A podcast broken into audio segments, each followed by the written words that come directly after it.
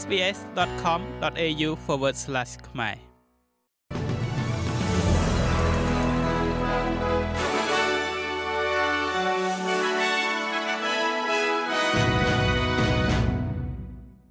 ចាសសូមស្វាគមន៍មកកាន់នេតិព័ត៌មានខ្លីៗរបស់ SBS ខ្មែរសម្រាប់ថ្ងៃច័ន្ទទី2ខែតុលា ឆ្នាំ2023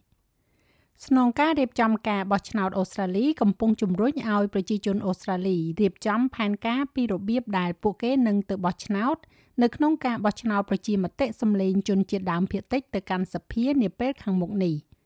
វាកើតឡើងនៅពេលដែលការបោះឆ្នោតមុនពេលកំណត់ចាប់បើកនៅថ្ងៃនេះហើយគឺនៅថ្ងៃច័ន្ទទី2ខែតុលានេះជាមួយនឹងការបោះឆ្នោតប្រជាមតិឥឡូវនេះនៅសល់តែ2សប្តាហ៍ទៀតប៉ុណ្ណោះ។ មណ្ឌលបោះឆ្នោតមុនពេលកំណត់នឹងបើកនៅរដ្ឋ Victoria រដ្ឋអូស្ត្រាលីខាងលិចរដ្ឋ Tasmania និងដែនដីភាគខាងជើងសម្រាប់រដ្ឋដែលនៅសេសសល់ដែលមានថ្ងៃឈប់សម្រាកជាសាធារណៈនៅថ្ងៃច័ន្ទនេះការបោះឆ្នោតមុនពេលកំណត់នឹងបើកនៅថ្ងៃទី3ខែតុលានឹងមានន័យថាប្រជាជននៅរដ្ឋ New South Wales រដ្ឋ Queensland រដ្ឋអូស្ត្រាលីខាងត្បូង និងដែនដីរដ្ឋធានីអូស្ត្រាលី ACT នឹងអាចបោះឆ្នោតមុនពេលកំណត់ចាប់ពីថ្ងៃអង្គារស្អែកនេះតទៅមួយទៀតនោះពាក់ព័ន្ធជាមួយនឹងថ្លៃផ្ទះសម្បែងនៅក្នុងប្រទេសអូស្ត្រាលី ដែលតម្លៃផ្ទះបានបន្តកើនឡើងក្នុងរយៈពេល8ខែជាប់ជាប់គ្នា ហើយត្រូវបានកំណត់ថានឹងឈានដល់កម្រិតខ្ពស់ថ្មីមួយទិន្នន័យអចលនទ្រព្យស្នូលចុងក្រោយរបស់ CoreLogic កត់ត្រាតម្លៃកើនឡើង0.8%នៅក្នុងខែកញ្ញា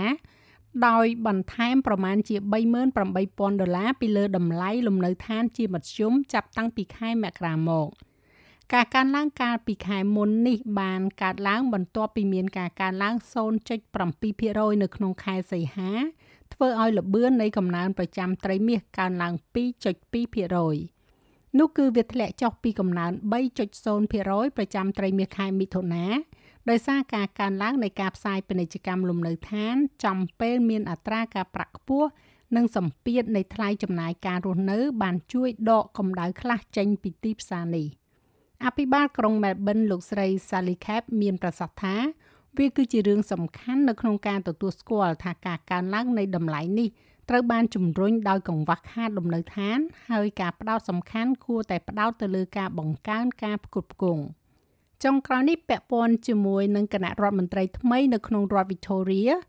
ដែលត្រូវបានបញ្ចេញឈ្មោះជាមួយនឹងការផ្លាស់ប្តូររដ្ឋមន្ត្រីវិស័យដឹកជញ្ជូន ការអប់រំ លំនៅឋានកុមារនិងការងារអភិបាលរដ្ឋថ្មីគឺលោកស្រី Jacinda Allen បានប្រកាសពីក្រសួងថ្មីនេះ នៅមុនពេលសភាវិលត្រឡប់មកវិញនៅថ្ងៃអង្គារទី3ខែតុលាស្អែក។ លោក Ben Carroll អនុប្រធានរបស់លោកស្រី Allen នឹងក្លាយទៅជារដ្ឋមន្ត្រីក្រសួងអប់រំនិងស្រាវជ្រាវវិទ្យាសាស្ត្រលោក Tim Pallas ដែលបានប្រជែងតំណែងអភិបាលរងនោះនឹងបន្តធ្វើជាហេរញ្ញិកជំនួយការរបស់លោកគឺលោក Danny Pearson ឥឡូវនេះក៏នឹងទទួលបន្ទុកចាស់របស់លោកស្រី Allen នៅក្រសួងហេដ្ឋារចនាសម្ព័ន្ធដឹកជញ្ជូន Suburban Rail Loop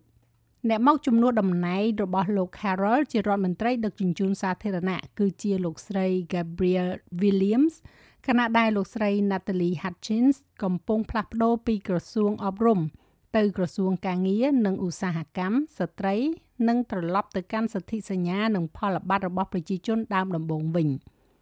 រដ្ឋមន្ត្រីក្រសួងលំនៅឋានលោក Colin Brooks ត្រូវបានតែងតាំងជារដ្ឋមន្ត្រីសម្រាប់ការអភិវឌ្ឍ Victoria តំបន់និងឧស្សាហកម្មច្នៃប្រឌិត